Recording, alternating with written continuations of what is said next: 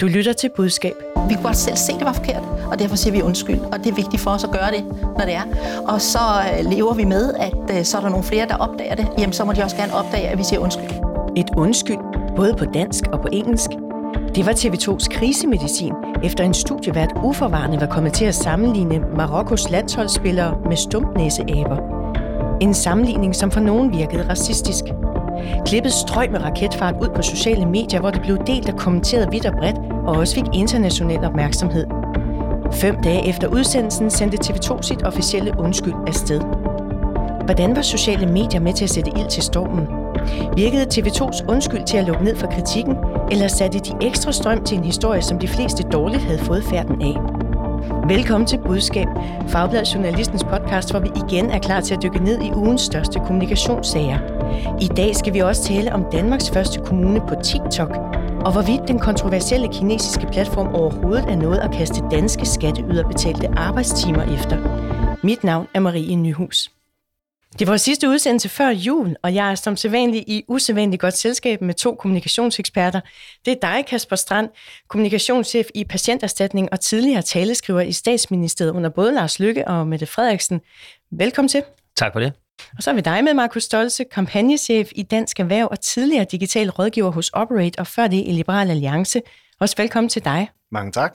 Vi startede lige over hos dig, Kasper, med at høre, hvor du nødigst ville være rådgiver denne her uge. Jamen, øh, jeg har valgt øh, og den, den position, der er, hvor man er øh, kommunikationschef eller presseansvarlig for den nye minister, øh, Louise Schack Elholm, der er blevet kirkeminister, minister for landdistrikter og minister for nordisk samarbejde.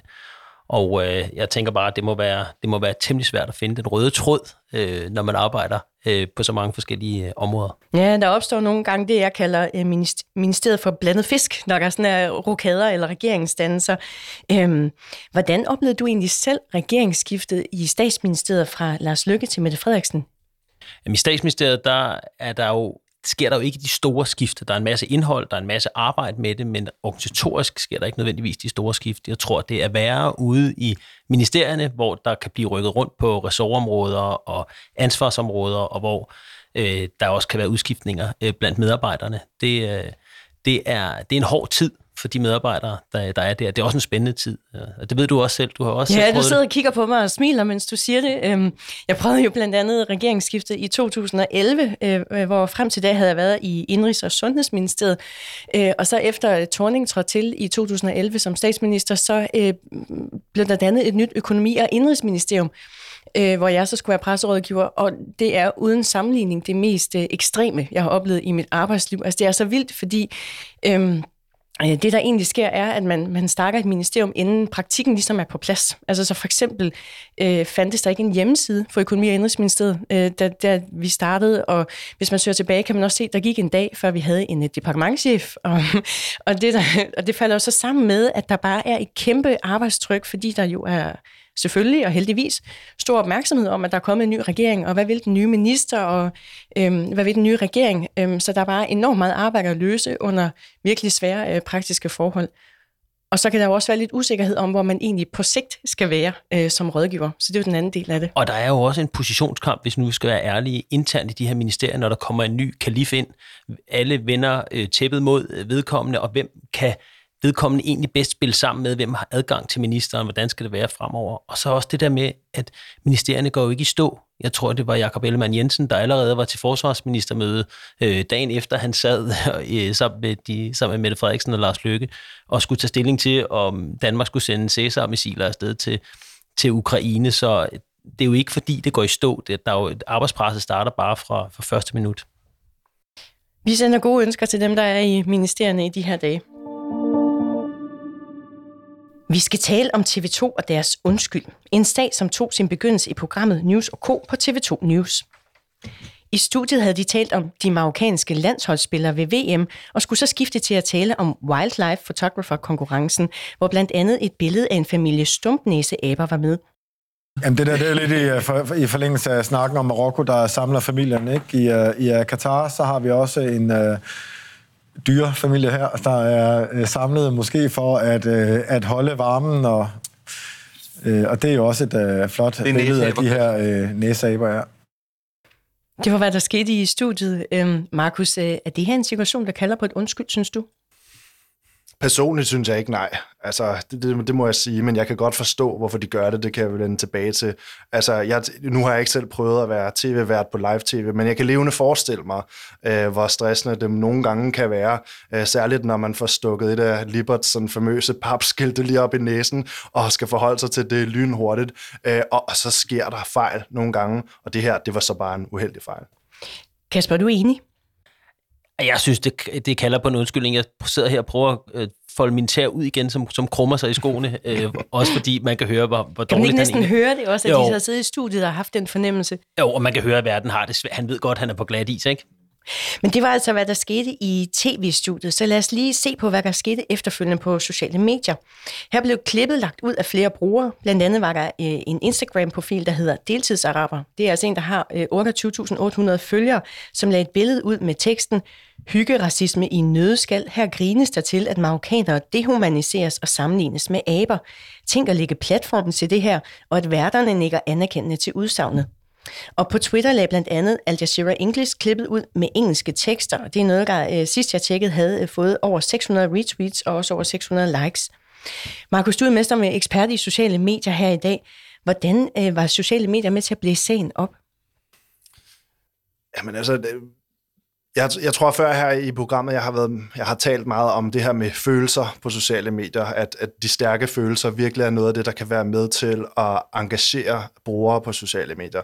Og her har vi at gøre med en af de stærkeste følelser, øh, når det handler om at øh, engagere folk, få dem til at like, kommentere, dele, hvad der ellers er. Øh, og det er forarvelse. Øh, Og her der er vi endda ude i det, jeg vil kalde sådan en dobbelt forarvelsessituation. Fordi vi på den ene side har nogle øh, borgere som, øh, eller brugere på, på sociale medier, som, som med rette bliver forarvet over at den her ret uheldige kommentar. Øh, de går så i vælten, begynder at dele øh, videoklippet, en del det også endda med, med engelske undertekster, så det bliver spredt, øh, spredt vidt og bredt. Så, så det er forarvelsen på den ene side.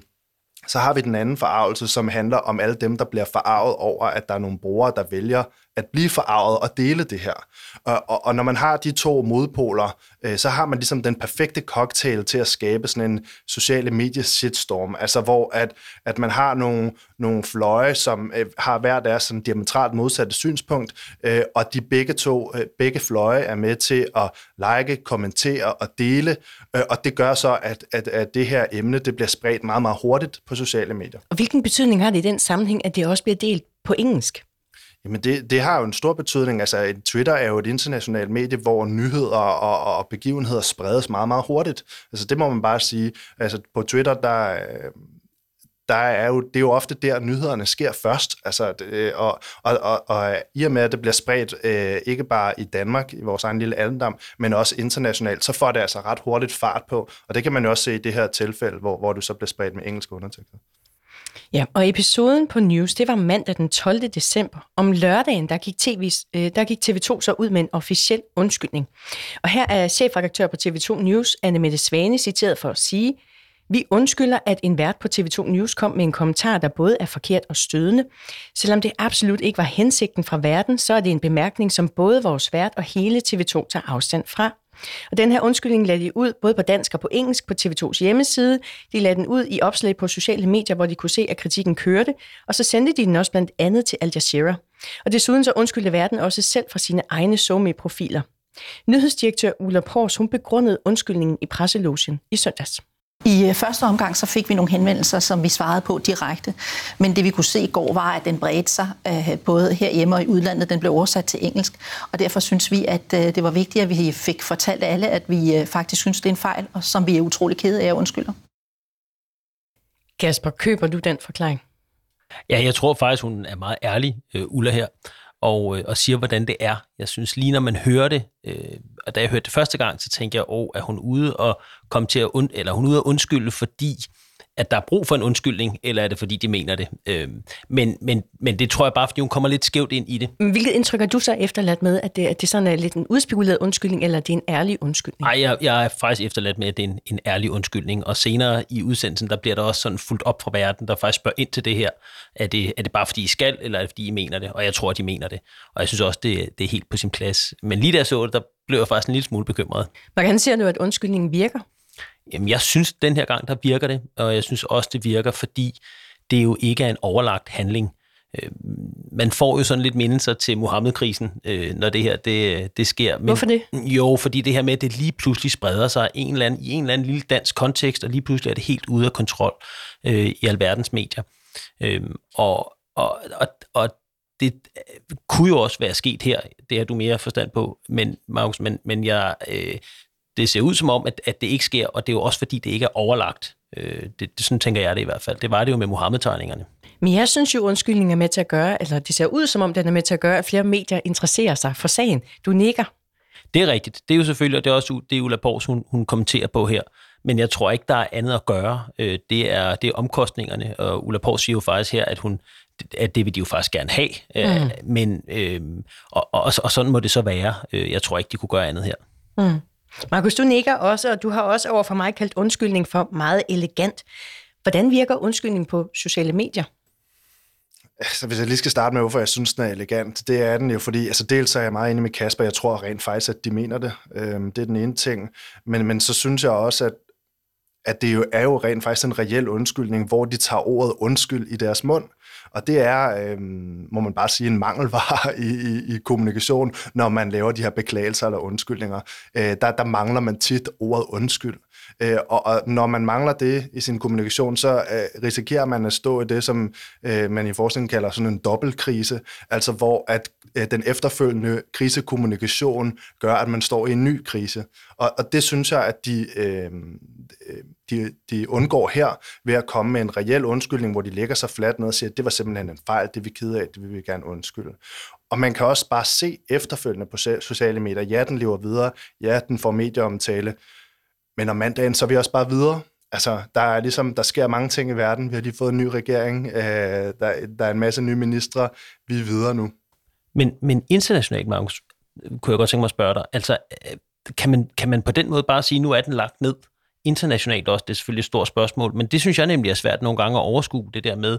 En ting er, hvordan den kører herhjemme, men hvad er livet derude, og hvorfor er det, den lige pludselig får et reach? Det kan, det jo, det kan jo være mange grunde ja, det er jo svært at, det, det, det, det er svært at analysere sig frem til sådan, sådan umiddelbart, også fordi at, at øh, Twitter er jo et relativt stort medie, så det er svært at følge med, hvad der foregår. Det, som jeg synes, der kunne være interessant at vide, for det ved jeg faktisk ikke, det er, om der er nogle af de internationale medier, der har bragt den her undskyldning videre. Det er der. Det har jeg spurgt TV2 om, har fået eksempler på, blandt andet et medie, der hedder newarab.com. Okay, mm. jamen det er jo interessant, ikke? fordi der har de jo nok også været med til at, at, at, at Øh, det her ned. Øh, hvis man kigger på Mohammed-krisen igen som eksempel, ikke fordi man kan sammenligne dem overhovedet, men så alligevel lidt, hvad hedder det, der, der var der jo nok en, et, et, en mangel på en sådan undskyldning, og de, den kom altså ret hurtigt i det her tilfælde, øh, så, så, så derfor tror jeg også, de har været med til at lægge det ned. Mm. Så et undskyld, der virker, hører jeg i begge to siger. Men det er jo ikke første gang, at TV2 er ramt af diskussioner, hvor de får kritik og anklager om øh, racisme, og måske også anklager om cancelkultur, som du var inde på før, Markus. Øh, helt tilbage i 2007, der skete det her, da værterne sad i Godmorgen Danmark og kommenterede på sommerbilleder fra verden rundt. Så tager vi til øh, Karibien. Ja, Ik? er det en abe? Nej, hvad siger du? Det sagde jeg simpelthen ikke, for jeg kan ikke se det. Jeg, har, jeg kan ikke se så langt. Der sidder en meget solbrændt mand. en person. En person ja, et og snakker i telefon på sin, øh, på sin jolle. Ja. ja. Og i år der tog TV2 tilløb til julekalendersæsonen med denne her nyhed. TV2 har besluttet ikke at vise julekalenderen Alle Tiders Julemand med Pyrus. For ifølge TV2 så indeholder den nemlig skildringer af mennesker og kulturer, der i år 2022 kan virke stødende. I julekalenderen er der blandt andet hvide børn, der bliver malet til sorte flødeboller med store røde læber. TV2 viser i stedet en anden af de i alt fire julekalendere om Pyrus. Altså, TV2 aflyste Pyrus julekalenderen Alle Tiders Julemand, for i stedet for at sende øh, Pyrus julekalenderen Alle Tiders Eventyr. Kasper, hvilken betydning spiller historikken for, hvordan TV2 bliver ramt af kritikken? Jamen, internationalt er der nok ikke mange, der kan huske det der klip øh, med Line Bavn, som, som du også spillede som her. Som er blevet nærmest episk herhjemme. Ja, det er blevet et meme på mange måder. Ikke? Mm, ja. Altså, jeg, det, det findes stadigvæk og florerer stadigvæk. Ja, men det er ikke sikkert, at der er stort reach øh, rundt om i verden mm. på det. Det, mm. det kunne jeg ikke forestille mig. Øh, jeg synes, det med Pyros, det er interessant, fordi de, øh, den debat kørte jo faktisk ret meget herhjemme. Øh, og øh, der synes jeg faktisk, de bliver reddet lidt her. at de har taget stilling en gang til, at det her, det vil de ikke vise. Altså, de har nogle principper, og de er faktisk blevet skældt ud over at have for strenge principper, om man så må sige. Og der tænker jeg også internationalt, jamen altså, hvis, man, hvis de havde gjort det modsatte, så kunne det måske have fået endnu mere luft. Ikke? Når, man, når der først er, er fokus på det her, så kan, den, så kan, den, så kan, der, så kan de tage, man tage fat i hvad som helst øh, derude. Men her, der, der tror jeg, at de har været glade for øh, i TV2, at de har taget det her valg øh, tidligere, når det her sag nu kom. Mm. Markus, til sidst, du sagde indledningsvis, at øh, det, der skete i studiet på TV2 News, egentlig ikke i din optik er en situation, der kalder på en undskyldning. Men er det sådan i år 2022 og snart 2023, at man nogle gange skal leve med at sige undskyld for noget, man egentlig ikke selv finder stødende, men for at undgå kritik og shitstorme? Altså, det, det, er min, det er min egen den personlige holdning, at jeg, jeg kan sagtens se, at det her det er en fejl. Mm. Øh, og derfor, men, jeg kan godt, men jeg kan godt ja. forstå, at de laver undskyldninger. Og ja, det er et vilkår. Øh, hvad hedder det, og, at give undskyldninger en gang imellem, når man dummer sig, øh, og, og desto hurtigere øh, man kan gøre det, desto bedre, og desto bedre man er til at, til at sige ordet undskyld, desto bedre bliver undskyld, hvad hedder, undskyldning også modtaget. Det, det er min erfaring. Men jeg synes også, at det her eksempel, også med de andre, øh, med pyro og hvad der ellers er, er et godt eksempel på, hvordan man som kommunikatør i de her identitetspolitiske debatter har svært ved at vinde, fordi der er nogle fløje, øh, som på den ene side råber, at øh, man øh, bedriver woke cancelkultur, og på den anden side nogen, der anklager en for racisme. Og begge fløje er nogen, der er rigtig gode til at skabe forarvelse på sociale medier, som vi bare ved er med til at eskalere sagerne helt vildt. Øh, så, så det er svært at vinde i de her situationer. Men undskyldningerne bliver meget sværere, når man gør noget overlagt. Det er jo det, der skete med Mohammed-tegningerne. Ikke? Det var jo overlagt satire, og der bliver man fanget i det der, øh, hvad siger du egentlig undskyld for? Mener du det ikke mere? Her der er det mere lige til, fordi det er en fejl, øh, og det samme med klippet med Line Bavn. Og det kan de fleste jo sætte sig ind i, man kan komme til at sige, og så er det bare at sige undskyld.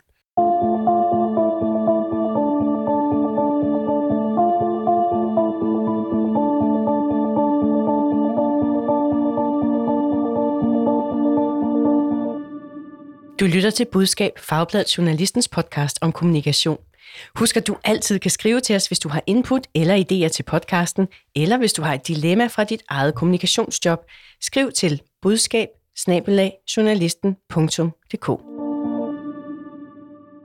Markus, så er jeg spændt på at høre, hvor du nødigst vil være rådgiver i denne her uge. Jamen, jeg har valgt, at jeg nødigst vil være rådgiver for Elon Musk. Ja, hvorfor øh, det? Jamen, det vil jeg, fordi at, at øh, man må bare sige, at de seneste par uger har været noget kaotiske, i hvert fald når man betragter det udefra. Øh, når man kigger på Elon Musks Twitter-aktivitet, øh, afstemninger om, hvorvidt han skal fortsætte som CEO, øh, nye øh, politikker for Twitter, som lige pludselig bliver aflyst øh, kort tid efter. Altså noget af en slingerkurs, de er ude på, må man bare sige.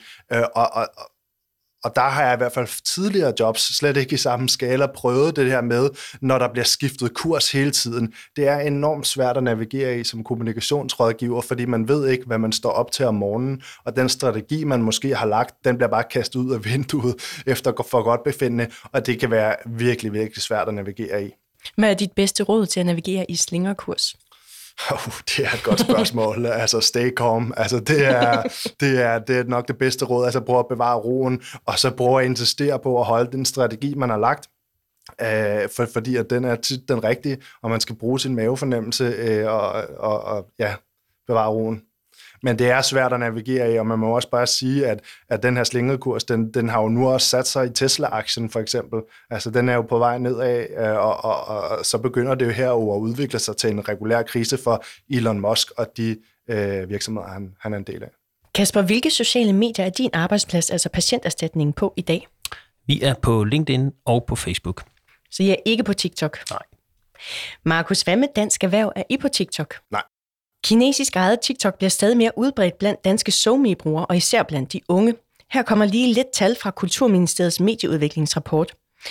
Øh, 9% af dem, der har en SoMe-profil, de har også en profil på TikTok. Og 89% af dem, der har en TikTok-profil, de er mellem 12 og 34 år. Og det gør TikTok attraktiv som kommunikationskanal, og nu har Viborg Kommune også begivet sig ud på kanalen. Efter nytår, der følger Helsingør Kommune efter planen trop. Viborg Kommune har sidst jeg tjekket omkring 40 følgere på TikTok, og deres indtil videre fem posts har fået sådan mellem 300 og 1100 views. Markus, du har taget et kig på Viborg Kommunes første posts. Hvor godt klarer de sig på platformen, synes du? Altså, hvis man kigger øh, sådan lidt sort-hvidt på tallene, så klarer de sig ikke særlig godt. Men omvendt, så kan man sige, at de er jo også lige startet. Øh, de skal i gang. Hvis man kigger på kvaliteten af de TikToks, de laver, så vil jeg også sige, at der mangler måske stadigvæk lidt, øh, for, for at de kommer helt op i gear. Men det er jo også, fordi TikTok er et enormt svært medie, som udvikler sig med rekordfart hele tiden, øh, hvor at der er en lang række af trends, øh, altså, det kan være øh, øh, forskellige slags musik, øh, som skaber en ny trend. Det kan være nogle forskellige øh, ting, man gør på sine TikToks, som er trends. Og de, de udvikler sig helt vildt hurtigt. Og hvis man vil klare sig godt på TikTok, så skal man ride på de trends. Øh, og, og det ser jeg ikke, at de gør endnu. Og så er der også noget med kvaliteten af de ting, de laver. Og, og at, øh, ja, så, så, så, så, så de skal lige op i gear. Men du har også sagt til mig, at de skal have ros for at gøre forsøget. Ja, fordi jeg er i hvert fald ikke en af dem, som der siger, øh, ej, det er cringe, øh, og, og man skal ikke have lov til at prøve nogle ting. Jeg synes, man som kommunikatør, at jeg, jeg, jeg, jeg roser dem, der tør kaste sig ud i nye ting, også selvom at man får nogle knups på vejen. Øh, et godt eksempel på det er jo Lægemiddelstyrelsen, øh, Thomas Senderovic, som der, som der var ude på, på TikTok som en af de første danske offentlige myndigheder. Jeg tror, det var Danmarks første myndighed på TikTok. Ja, og, og, og de fik jo enormt meget røg for, at det var mega cringe, og at, øh, at han var en boomer, og hvad ved jeg. Men jeg, jeg, jeg, jeg synes, jeg, jeg tager sgu hatten af for dem, der, der tør at sige, okay, nu prøver vi det her. Øh, så kan det godt være, at vi får nogle knups på vejen, men i mindste har vi prøvet det. Mm. Kasper, du sidder jo selv i en myndighed. Øh, er det en god idé for kommuner at gå på TikTok, synes du? Altså, jeg synes, der er point for det med at prøve at nå brugerne der, hvor de er. Mm. Øh, og særligt de unge, som kommunen jo også her er ude at argumentere med. Og altså, man må bare sige, altså, jeg, det er godt, vi har Markus med, fordi øh, jeg føler mig gammel her. Jeg, jeg føler mest med i TikTok på, hvad min, øh, min ældste datter øh, laver der. Øh, så så øh, altså, point for det. Øh, men skal kommuner være på TikTok, men synes du? Jeg, er, jeg, synes det, jeg synes, det er på grænsen, øh, og ikke nødvendigvis så meget på indholdsdelen, fordi den, den må jeg bare sige, den, den forstår jeg mig ikke på, men, men, men det har mest med, noget med mig at gøre. Det andet, jeg kunne være en lille smule bekymret for, og som vi også øh, selv øh, har fokus på, øh, der hvor jeg arbejder, det, det er jo sikkerheden, og det er jo det her med, med GDPR-regler øh, osv. Det er jo den kedelige del af det som er far for at lyde som, som en, Men du er ikke den første til at rette kritiske blik mod TikTok i forhold til datahøst og databehandling, og, og hvad sker der med de data, som de registrerer omkring øh, brugerne? Hva, hvad mener du, hvordan mener du, kommuner skal stille sig i forhold til det? Jamen, jeg mener helt grundlæggende, at myndigheder skal være særligt påpasselige her, og øh, har et særligt ansvar for, at de her regler øh, og den her sikkerhed er på plads. Jeg synes, det er lidt noget andet, når det er private organisationer, øh, private virksomheder, men her der har vi faktisk et ansvar for at passe på øh, på brugerne og på borgerne, øh, og det mener jeg også godt, de kan forvente, så der skal man være særlig forsigtig. Mm. Men vi skal lige høre, fordi jeg har talt med Viborg Kommunes kommunikationschef, han hedder Rune Jungberg Petersen, og jeg har spurgt ham, hvad deres målsætning med at være på TikTok er. Som kommune, så skal vi jo være noget for alle aldersgrupper i hele kommunen. Det gælder i høj grad også nogle af de yngre, som, som bruger meget tid på, på TikTok. Så man kan sige, det er i hvert fald en kanal, hvor vi kan se en mulighed for at komme bedre i kontakt med dem. Og så kan man sige, så er der nogle mere konkrete projekter, som vi kigger ind i, hvor man siger, kunne man bruge TikTok der? Et af eksemplerne det er, at Viborg det i højere og højere grad bliver en uddannelsesby. Vi tiltrækker flere og flere spændende uddannelser. Og her kunne vi godt selvfølgelig tænke os, at de unge mennesker, som uddanner sig i Viborg, at de ikke bare uddanner sig, men de altså, også bor her. Øh, og der kan vi bruge TikTok til at fortælle mere om, hvad Viborg er, og måske gøre op med nogle af de fordomme, som, som nogle unge mennesker kunne have om en, om en by som, som Viborg. Så altså, hvis Viborg gerne vil nå ud til unge og vise Viborg frem som et muligt sted at bosætte sig, er TikTok så ikke den rigtige kanal for dem at være på? Jamen, det vil jo vise sig. Øh, det, det kunne det muligvis være. Øh, jeg vil bare være en lille smule bekymret. Jeg kan i hvert fald ikke overskue øh, de her regler på området for nu at, at, at blive det spor. Det gør også, at vi i patienterstatningen faktisk nærmest helt modsat planlægger at lukke helt ned for vores Facebook-konto. Hvornår i det nye gør I det? Jamen, det planlægger vi at gøre i det nye år, i starten af det nye år. Mm. Vi har været hvad, hvad er det, der ligger, øh, hvad er det for en historie, der går forud for den beslutning? Jamen, det er jo en historie, hvor vi bliver opmærksom på, at øh, der både i Norge og Tyskland kører en debat om det her, hvor myndighederne i Norge faktisk anbefaler, så vidt vi kan læse, at man lukker ned, når man er myndighed. Vi spørger så datatilsynet, for vi har ikke selv overblik over det. Hvad er op og ned i det her? Og de svar, vi får, der, som vi forstår det, som jeg forstår det, så skal vi have en databehandleraftale med, med Meta, øh, som jo står øh, bag Facebook. Og det kan vi ikke få, og øh, så når vi kigger på hinanden i vores øh, lokaler derinde og skal beslutte, jamen, hvad skal vi så gøre, så, så er det meget svært at argumentere for, at vi skal være der. Så der er ikke... Argumentet er vel så det, som Rune øh, i Viborg Kommune også siger, at det der borgerne er, det er der, I også kan møde dem som myndighed. Ja, og det er dilemmaet. Vi er utrolig glade for Facebook. Vi har øh, mange, som følger os der, og vi har også øh, en god interaktion med dem. Men vi kan jo ikke sidde og overhøre, hvis der er nogen, der stiller tvivl om, om det er, altså er lovligt for nu at sige det, som det er. Og, og der synes jeg, at vi som myndigheder har et ansvar, og der, det betyder, at, at vi gør det modsatte. Øh, vi, vi trækker os ud, indtil vi ved øh, mere, og indtil vi som myndighed kan sige, at det her det er, det er helt på plads. Mm. Øhm, det er jo så omkring Facebook, men synes du, det er en skærpende omstændighed, øh, at der er usikkerhed om datasikkerhed, når vi kigger på TikTok i forhold til Facebook? Jeg, jeg synes i hvert fald ikke, det er en formidlende omstændighed, må jeg sige. Altså, Jamen er det skærpende? Ja, det, altså, ja, hvis jeg nu skulle sige det, som det er. Altså, ja. det, det synes jeg faktisk, det er. Altså, det, det er det er fuldstændig uoverskueligt jo, for, øh, hvad der, hvor de der data havner henne, og de havner jo i Kina, øh, må vi jo formode. Øh, og jeg kunne da godt tænke, altså i mit stille sind, vil vi kigge tilbage om 5, 7, 10 år og tænke, sig mig, kørte vi bare, lød vi bare alt det her, politiet og hvem der ellers er på, på TikTok, lød vi bare alt den information og data strømme, strømme direkte derud, øh, uden sådan set at, at gøre så meget, fordi vi havde brug for at tiltrække øh, borgere eller informere. Det, det, det, det, synes jeg, der er, det synes jeg, der er en tanke værd. Mm. Jeg spurgte også Rune Jungberg Petersen, altså kommunikationschefen i Viborg Kommune, hvordan han kan forsvare at sende Viborg Kommune ud på, øh, på en så kontroversiel platform, som TikTok er for mig at se, så er det en principiel diskussion om at sige, skal man som myndighed være på, på sociale medier eller ej, fordi det er svært at få de der fuldstændige overblik over, hvad der sker med de her data. Det er det på TikTok, det er det på Facebook, det er det andre steder.